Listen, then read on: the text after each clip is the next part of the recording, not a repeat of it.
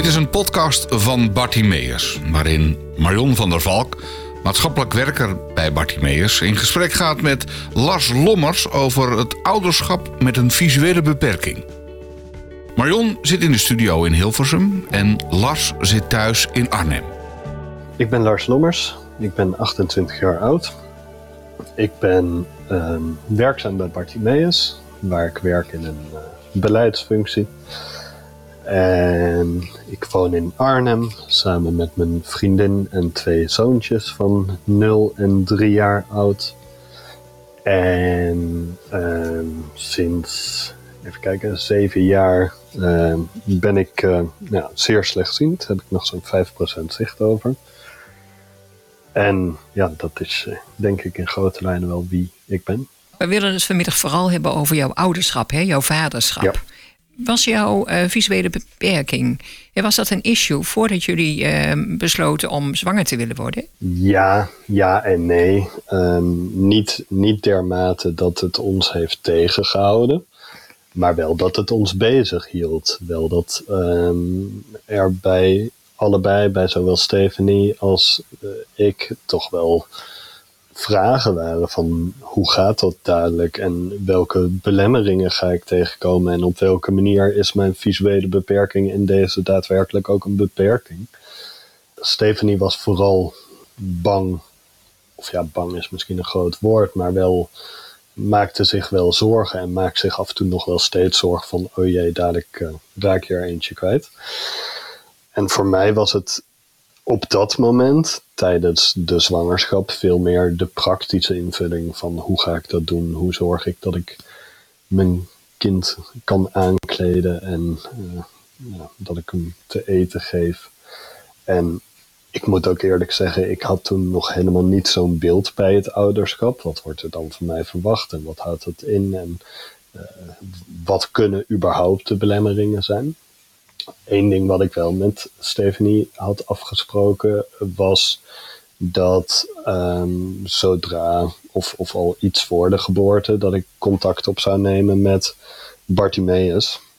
Om toch met een maatschappelijk werker of, of ambulant begeleider samen te kijken van welke ondersteuning zouden jullie kunnen bieden of, of waar moet ik aan denken, waar zou ik mogelijk tegenaan kunnen lopen dat was wel een hele bewuste keuze. Ik, ik had daarvoor al een paar jaar geen ondersteuning van Bartimeus en Officio ontvangen.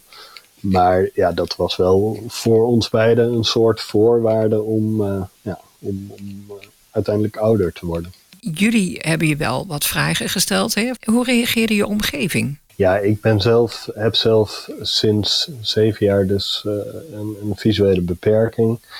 En ik denk dat voor mijn omgeving toen de shock het grootst was van hoe ga je dingen doen. En um, vooral onmogelijkheden en beren op de weg zien in plaats van mogelijkheden. Maar ik heb mij, even kijken, dat, dat is dus uh, vier jaar na mijn visuele beperking dat, dat we aan ouderschap begonnen te denken. Um, heb ik mij wel in richting mijn naaste omgeving bewezen van die redt zich wel. En ik denk ook niet per se dat um, mijn hele directe omgeving zich daar vragen bij heeft gesteld. Um, misschien meer bij de situatie. We hadden een heel klein woningje en uh, geen werk op dat moment. En ja, de omstandigheden waren niet geweldig. Ik denk dat dat meer zorgen waren. Maar uit, uit iets, iets verder rondom mijn naaste omgeving hoorde ik toch wel een, ja, soms hardop uitgesproken, soms uh, uh, via via. Van ja, kan dat wel? Van, van hoe gaat dat dan? En dat zijn ook wel de mensen die sowieso wel vraagtekens stellen bij mijn kunnen. Niet zozeer bij mijn kunnen, maar wel bij het kunnen van iemand met een visuele beperking. Die zien daarin toch vooral veel belemmeringen. Maar uit mijn naaste omgeving heb ik om deze reden in ieder geval geen uh, ja, negatieve feedback gekregen. Kan je iets vertellen over die ondersteuning? Wat, wat voor stappen heb je ingezet? Toen ik net mijn visuele beperking had, uh, ben ik begonnen met revalideren bij het LOERF. En een van de dingen die mij daar altijd bij is gebleven, was van ja, er is een uh, oudertraining. dus ik had daar in de loop der tijd eigenlijk een, soort beeld van gevormd. Van nou, er is gewoon een kant-en-klaar pakket met uh, bij wijze van spreken modules aankleden, eten geven, sociale hechting, al dat soort dingen. Maar toen ik mijn ambulant begeleider van het Bartimees contacte, toen gaf ze aan van ja, ik, ik, wil met alle liefde met je meekijken en meedenken. En, en, maar er, bestaat hier niet, niet een kant-en-klare interventie voor toen hebben ze eigenlijk zelf gekeken welke ondersteuning bieden wij normaal en hoe kunnen we die inzetten eh, toegepast op, op het ouderschap.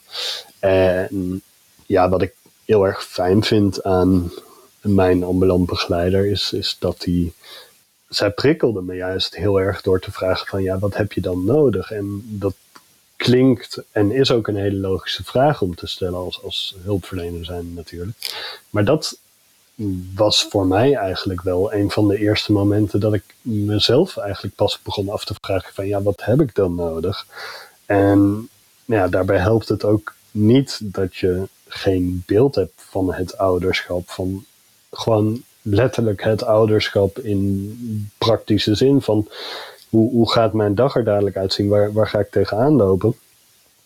En een van de dingen die ik in mijn hoofd had was uh, ja, aan- en uitkleden. En toen zei ze, ja, nou, mooi, dan uh, neem ik de volgende keer een pop voor je mee en dan ga je daarmee oefenen. En toen eenmaal de commode er stond, toen uh, heeft ze meegekeken van ja, ik zou hier wat met het licht doen en, en de randen van de commode meer accentueren. Um, en toen Daniel wat ouder was, heeft ze ook gekeken naar um, het, het samen spelen met, met Daniel. Want dat was een van de dingen die ik vooraf helemaal niet voorzien had, dat dat moeilijk zou zijn. Maar wat uiteindelijk misschien een veel grotere opgave bleek te zijn dan al die praktische zaken als een flesje maken en, en uh, het aankleden. Uh, meer hoe maak ik contact met een kind wat nog niet kan praten en waarvan de. Um, communicatie toch grotendeels non-verbaal is. En hoe speel je daarmee samen? Ja, dat, daarmee heeft ze eh, met, met video-interactie, dus heeft ze opgenomen en uiteindelijk aan mij terug laten zien van ja, hier zie je hoe die reageert op wat je doet. Dat was voor mij wel heel waardevol dat ik niet alleen maar op intuïtie kon bedenken van oh, dit is hoe Daniel waarschijnlijk reageert, maar ook echt vanuit iemand die daar ook nog wel nou, professioneel zicht op heeft, kon laten zien van ja, kijk, dit, als je dit doet, dan reageert je kind zo. En als je dat doet, dan reageert, reageert je kind zo.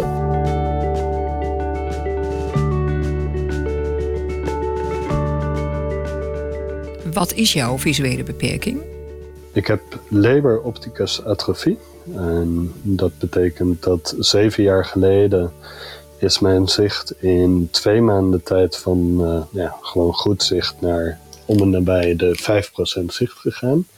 En dat komt door een erfelijke aandoening uh, die ervoor heeft gezorgd dat mijn oogzenuw eigenlijk uh, ja, chronisch ontstoken is geraakt. Of in ieder geval geen energietoevoer meer heeft. Waardoor mijn centrale zicht ja, zo goed als volledig uitgevallen is. Ik, als ik recht vooruit kijk, zie ik niks. Aan de randen zie ik nog wel um, redelijk, niet scherp, maar wel voldoende contouren. Dat betekent dat ik wel redelijk makkelijk ook zonder tasstok, um, zonder ergens tegenaan te lopen, kan lopen. Maar dat alles um, wat, waarvoor detailzicht nodig is, dus lezen of gezicht herkennen, um, ja, dat dat niet mogelijk is. Hoe gebruikte jij je gehoor hierbij? Bij de geboorte van mijn tweede zoontje, bij Casper, werd me dat wel duidelijk. Want Casper um, is twee maanden vroeg geboren in het ziekenhuis.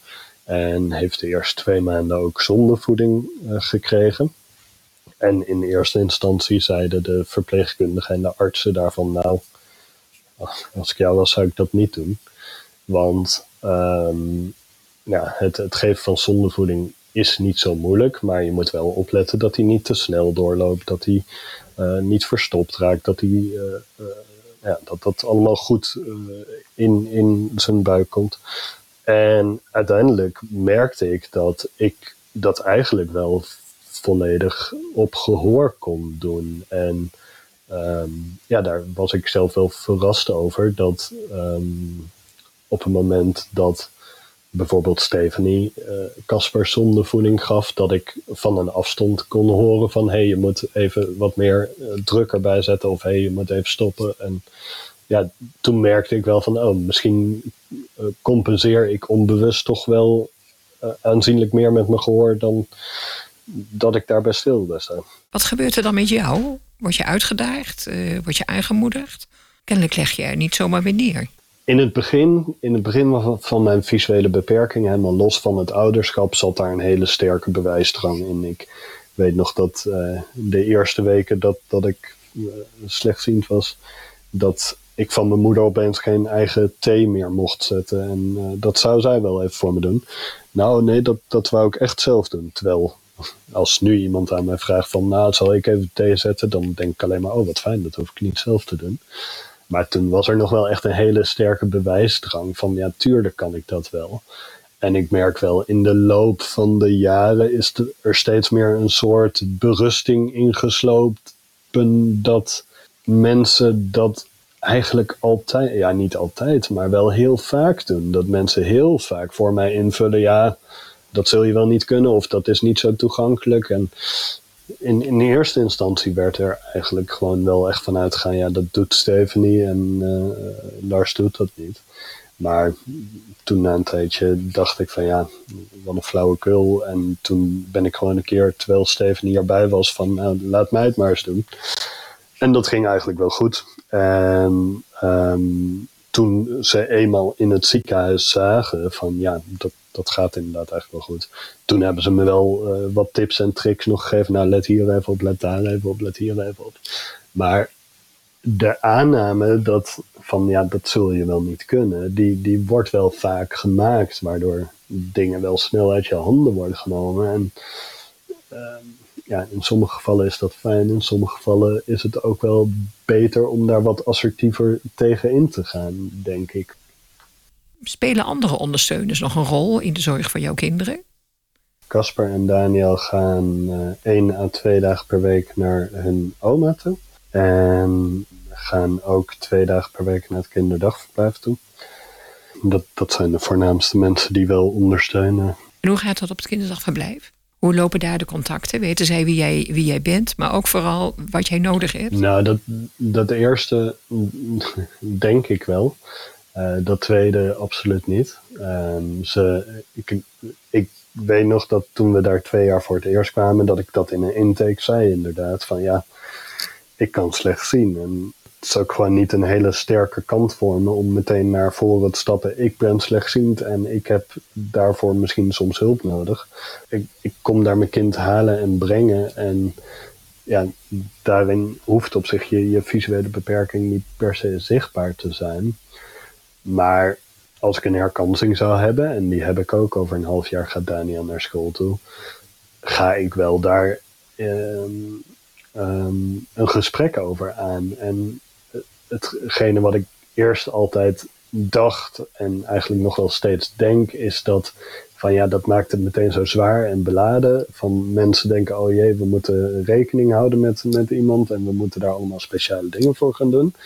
En dat is niet zo. Het enige wat, wat, daar, wat daar wel voor zorgt, is dat uiteindelijk op het moment dat ik iets nodig heb, of dat ik zeg van ja, maar ik kan dat niet zien, of, of van op deze manier werkt dat niet voor mij, dat het niet zo'n ongemakkelijk moment is van ja, waarom dan niet, of oh ja, daar, dat was ik vergeten. Um, het mag gewoon wel een wat prominentere plek hebben. Hadden ondersteuners daar iets in kunnen doen? Ja, ja daar kunnen ze iets in doen. Er, er zit voor mij, uh, merk ik, een, een spanningsveld tussen het laten zien en daardoor meteen ook degene te zijn met een visuele beperking. Op het moment dat ik het niet laat zien en af en toe zeg van ja, maar dat kan ik niet zien, dan ben ik niet diegene met een visuele beperking, dan ben ik alleen diegene die af en toe aangeeft van ja, ik heb iets anders nodig. Maar ja, dat zorgt dan weer voor situaties die ja, niet per se altijd fijn zijn. Ehm, als ik daar gewoon van tevoren meteen kom, met mijn stok binnenkom en, en dat gesprek aanga, ja, dan staat het misschien wel meteen op de voorgrond. En dan is dat misschien wel het beeld wat ik achterlaat. Wat, wat maakt het eigenlijk ook uit?